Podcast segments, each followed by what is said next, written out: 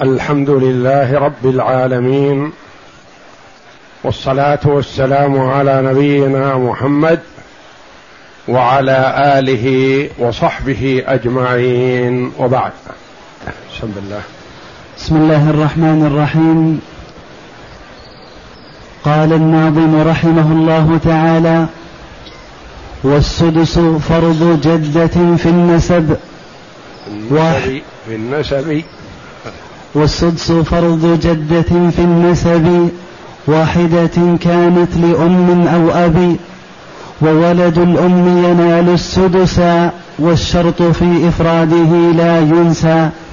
قول الناظم رحمه الله تعالى والسدس فرض جدة في النسب واحدة كانت لأم أو لأبي وولد الأم ينال السدس والشرط في إفراده لا ينسى أو لا تنسى.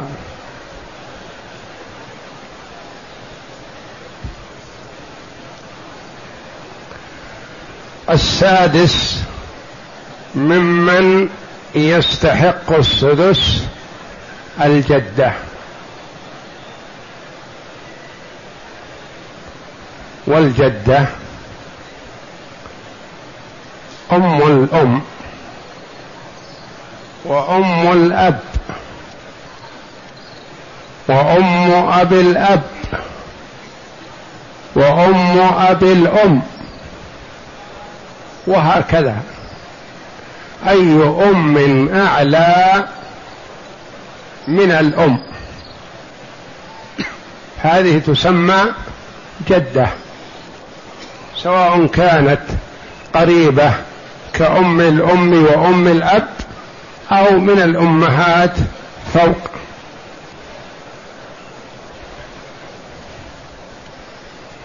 والوارث من الجدات بالإجماع والاتفاق اثنتان. أم الأم وإن علت. وأم الأب وإن علت. وأم أبي الأم محل خلاف. الجمهور. أم أبي الأب. أم أبي الأب محل خلاف. الجمهور على توريثها وعند الإمام مالك رحمه الله يقول لا ترث.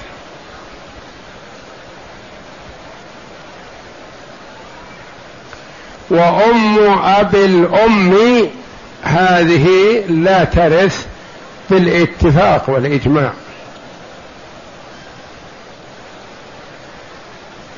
لأنها أدلت بغير وارث.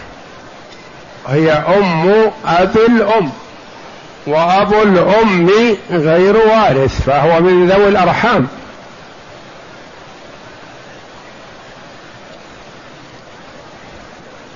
وأمه كذلك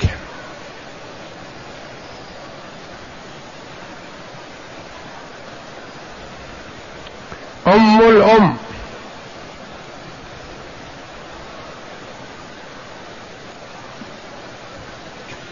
لها السدس بشرط ذكره المؤلف رحمه الله.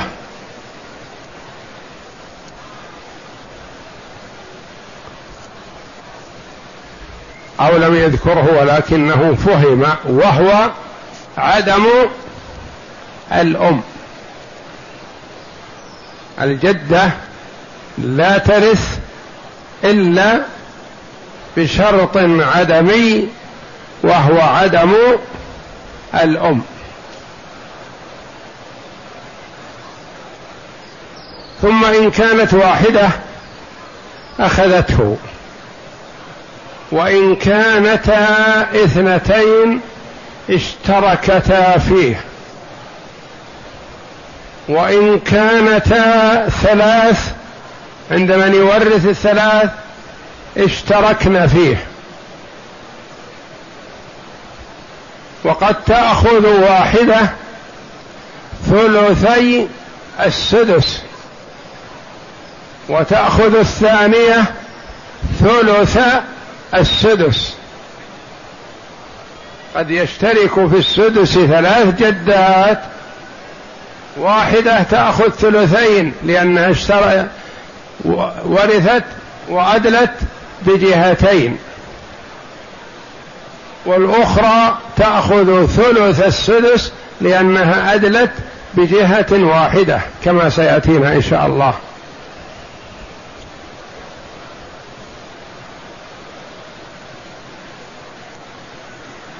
الجدة جاءت إلى أبي بكر الصديق رضي الله عنه تريد ميراثها أم الأم. قال لا أجد لك في كتاب الله شيء ولا أعلم في سنة رسول الله صلى الله عليه وسلم لك شيء. ولكن أرجعي أسأل الناس. صديق الأمة رضي الله عنه يرجع إلى صحابة رسول الله صلى الله عليه وسلم يسألهم.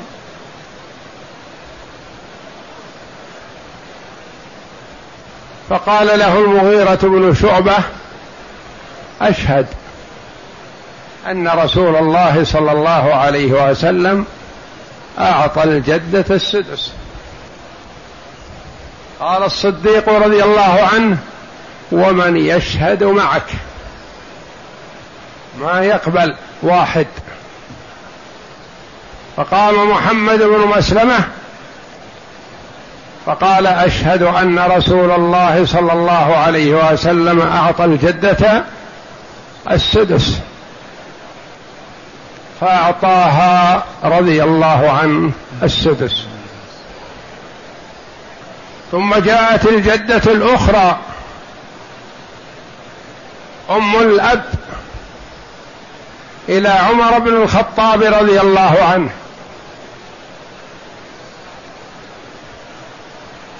فقال لا أزيد في فرائض الله. وإنما تشتركنا.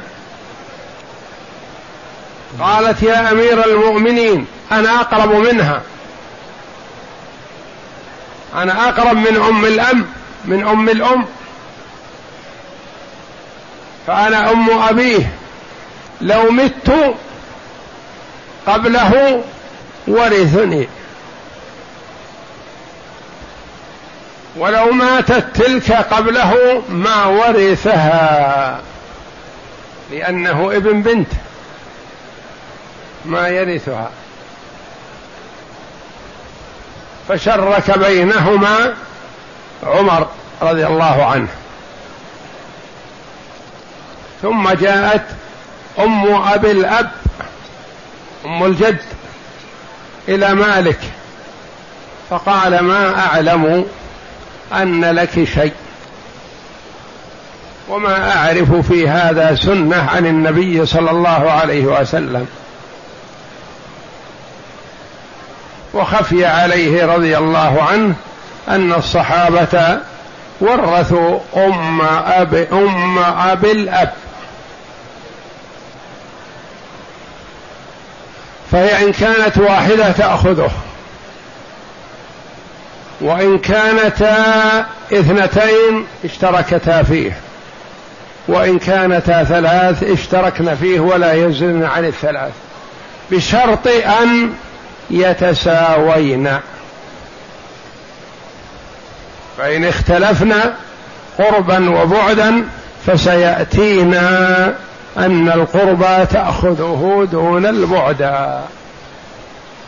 فمثلا هلك عن أم أم وأم أب يشتركن في السدس.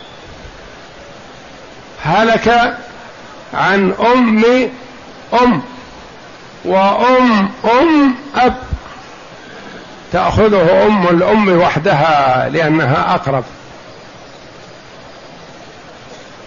هلك عن أم أم أم. وأم أب. تأخذه أم الأب وحدها لأنها أقرب.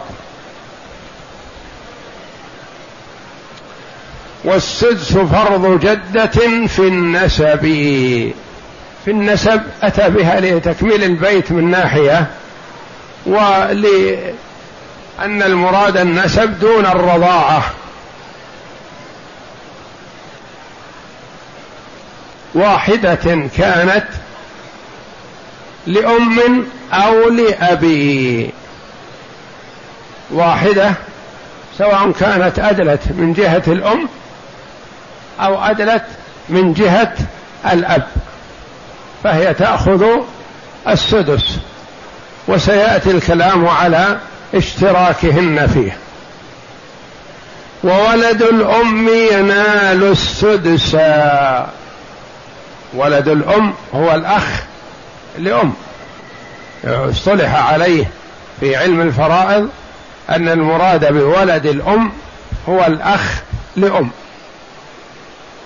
وإلا فهو الأخ الشقيق ولد أم لكن ما يقال له ولد أم.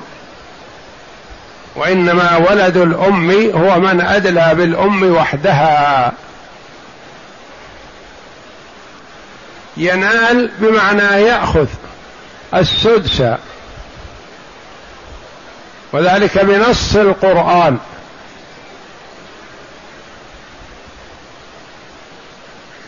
وله أخ أو أخت فلكل واحد منهما السدس.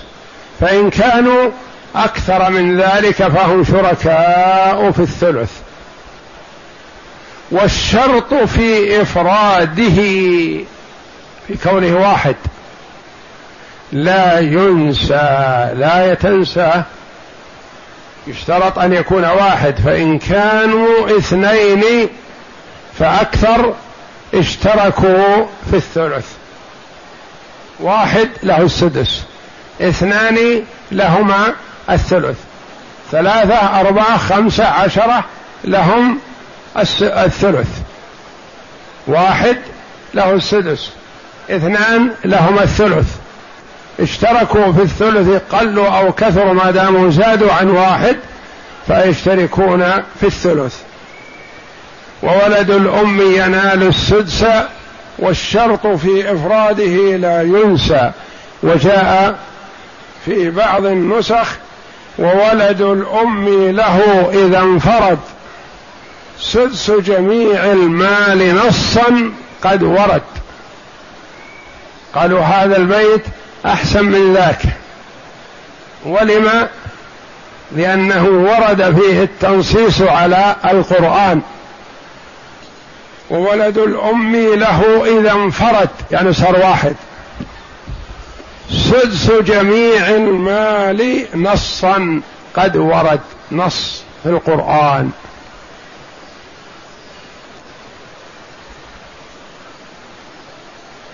اقرأ.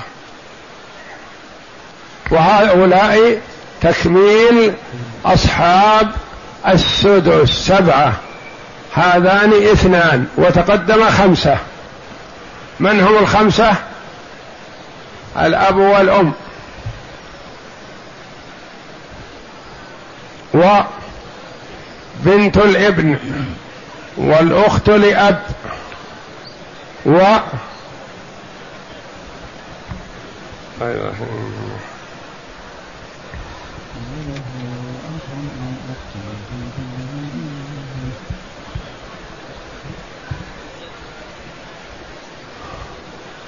الجدة هنا. الأب والأم والجد وبنت الابن مع البنت والأخت لأب مع الأخت الشقيقة خمسة. وهذان الجدة وولد الأم سبعة. اقرأ.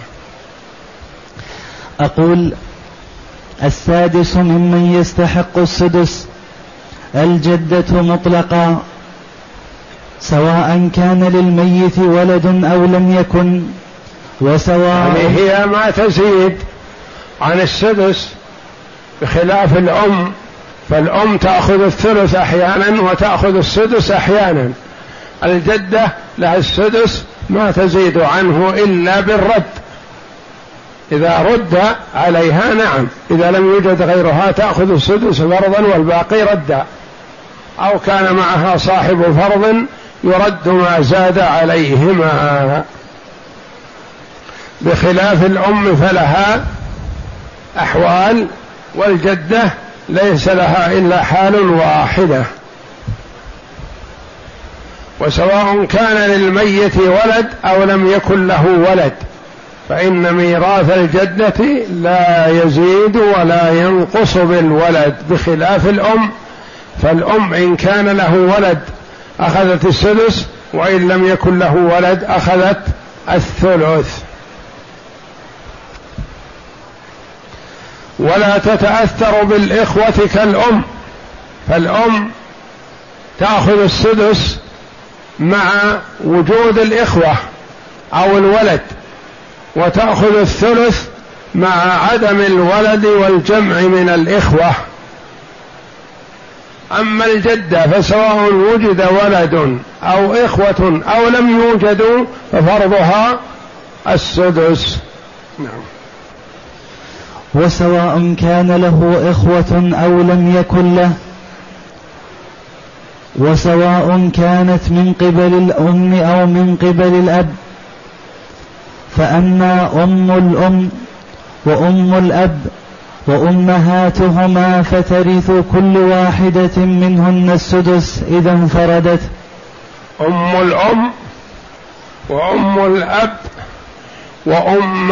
وأمهاتهما يعني أم أم أم أم أم أم أب وهكذا وإن علت.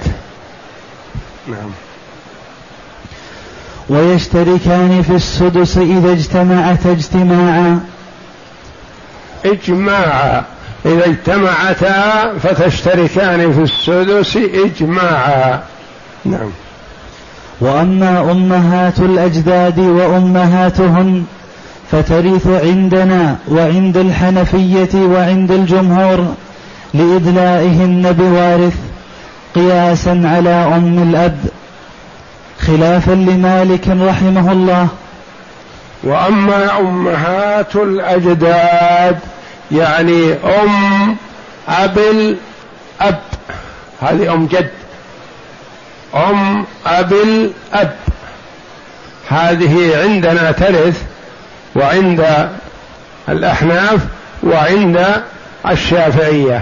ولا ترث عند المالكية. رحمة الله على الجميع. نعم. ومن أدلت بغير وارث لا ترث شيئا كأم. أدلت بغير وارث. كمن أدلت بأم بأب الأم. أب الأم غير وارث. فمن أدلت به من باب أو لا لا ترث. نعم. ومن أدلت بغير وارث لا ترث شيئا كأم أبي الأم. وستأتي في كلامه والسابع ممن يستحق السدس. ولد الأم ذكرا كان قال في باب الفرائض ولد الأم يعني لأنه سيان ذكر أو أنثى. يقول ولد الأم. ومن المعلوم أن كلمة ولد في اللغة العربية تطلق على الذكر والأنثى. ابن تطلق على الذكر. بنت تطلق على الأنثى. ولد تطلق على الذكر والأنثى.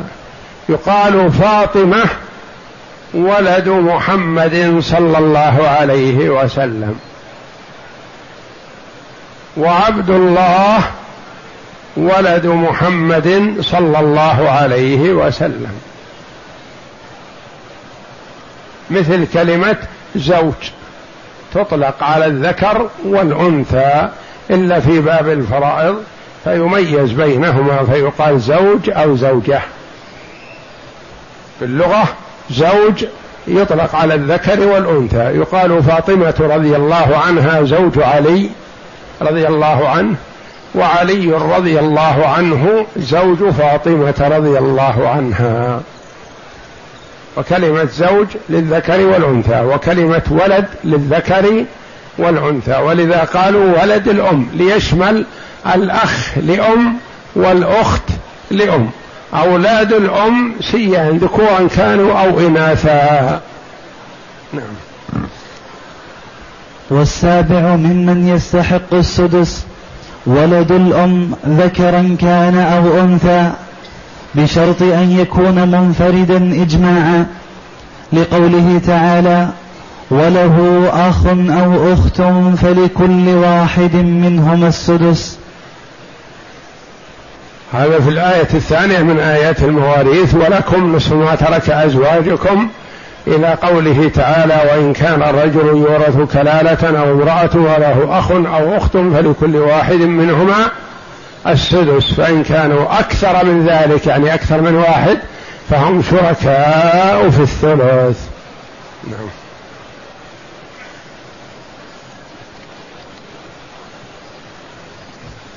أقسم هلك هالك عن جدة وأخ لأم وابن عم.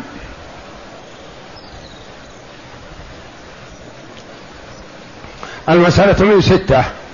للجدة السدس واحد وللأخ لأم السدس واحد والباقي لابن العم تعصيبا لقوله صلى الله عليه وسلم الحقوا الفرائض بأهلها. ألحقنا الفرائض بأهلها. أعطينا الجدة سدسها وأعطينا الأخ لأم سدسه وما بقي فلأولى رجل ذكر. هذا المعصب. أقسم. هلك هالك عن أم وجدة وعم.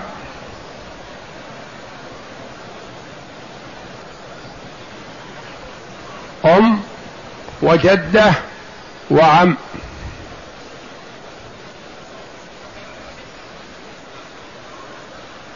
المسألة من؟ لا لا هو. تلقنه قبل الاحتضار؟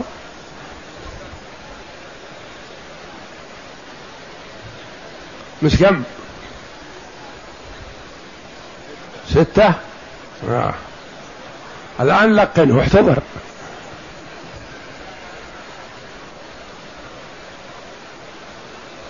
المسألة من ثلاثة. للأم الثلث واحد. والباقي للعم تعصيبها وليس للجدة شيء لوجود الأم. حرام على من لم يعرف باب الحجب أن يفتي في الفرائض.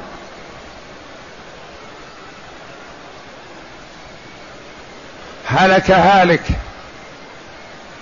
عن أخ لأم وأخ لأب.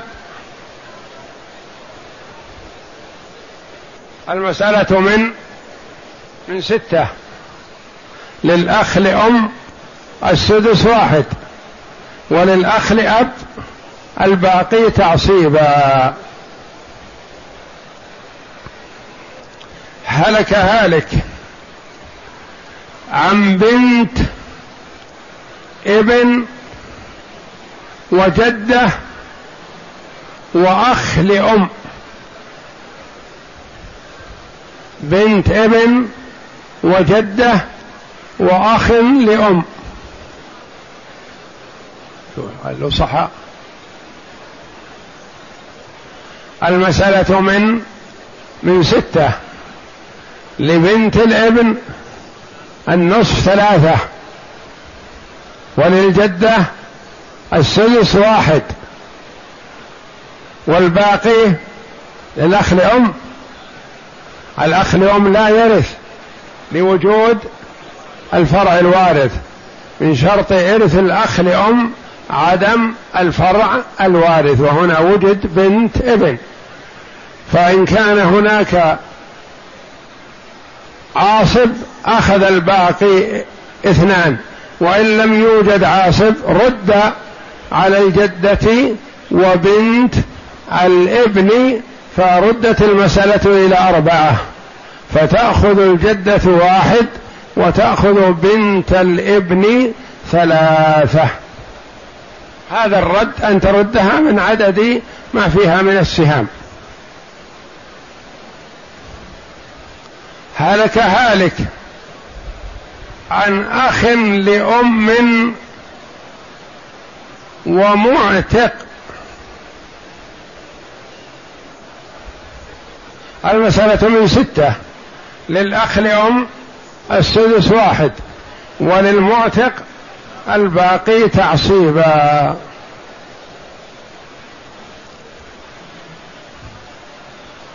هلك هالك عن أم أم وأم أبي أب. أعيد. عن أم أم. وأم أبي أب. وأخ شقيق. المسألة من ستة. اثنتين ولا واحدة؟ للجدة الأولى أم الأم لها السدس. والباقي للعاصب. وال وال والجدة الثانية ليس لها شيء لأنها حجبتها القربى. أم الأم تحجب أم أب الأب. لو كانت أم أم وأم أب اشتركتا. إذا تساويتا اشتركتا.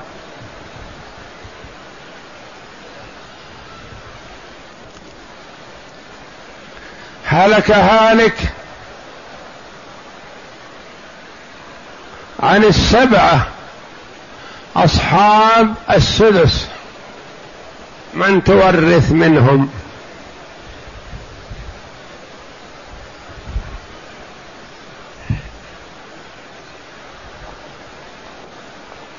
السبعة كلهم.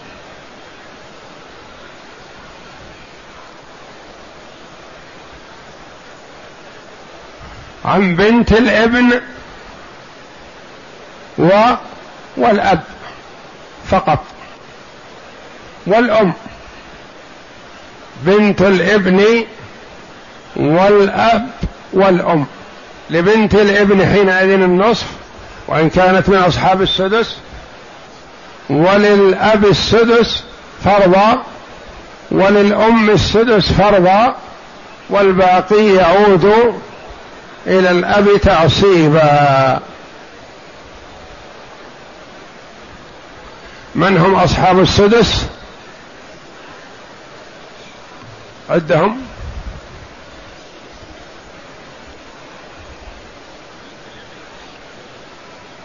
الأبوان والجدان.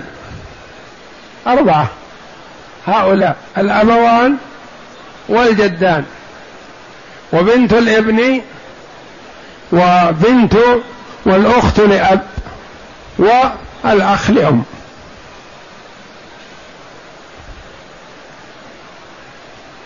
أربعة أصول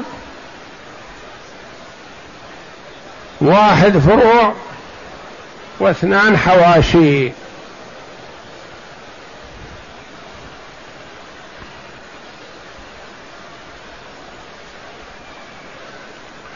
هلك هالك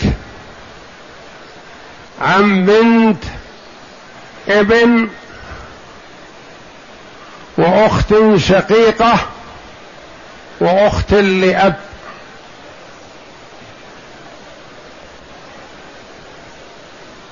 المسألة من بنت ابن وأخت شقيقة وأخت لأب.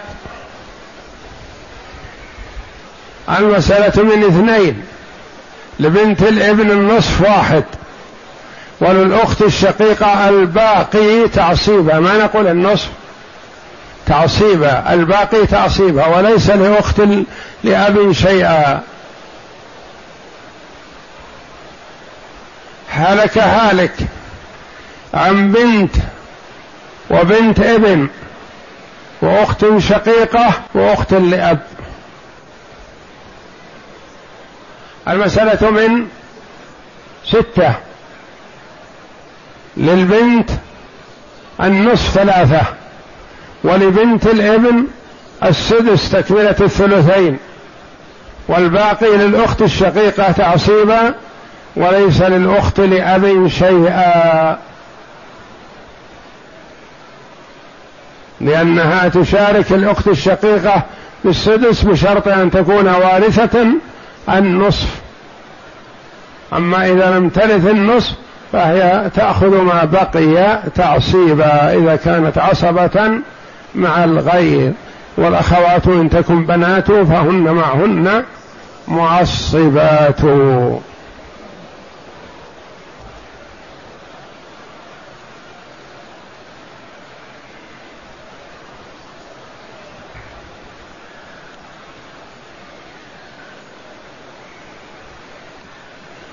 هلك هالك عن أخت شقيقة. وأخت لأب وأخت لأم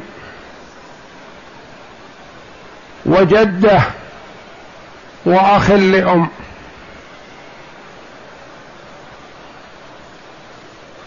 أخت شقيقة وأخت لأب وأخت لأم وجدة وولد أم.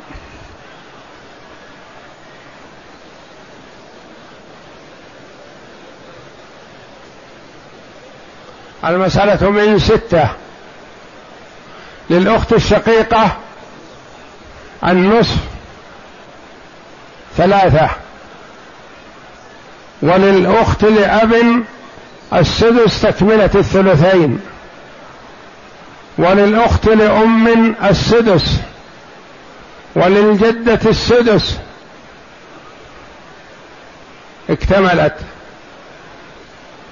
هذه فريضة عادلة يعني مساوية فروضها للمسألة ما فيها زيادة ولا تنقص لا رد ولا عود.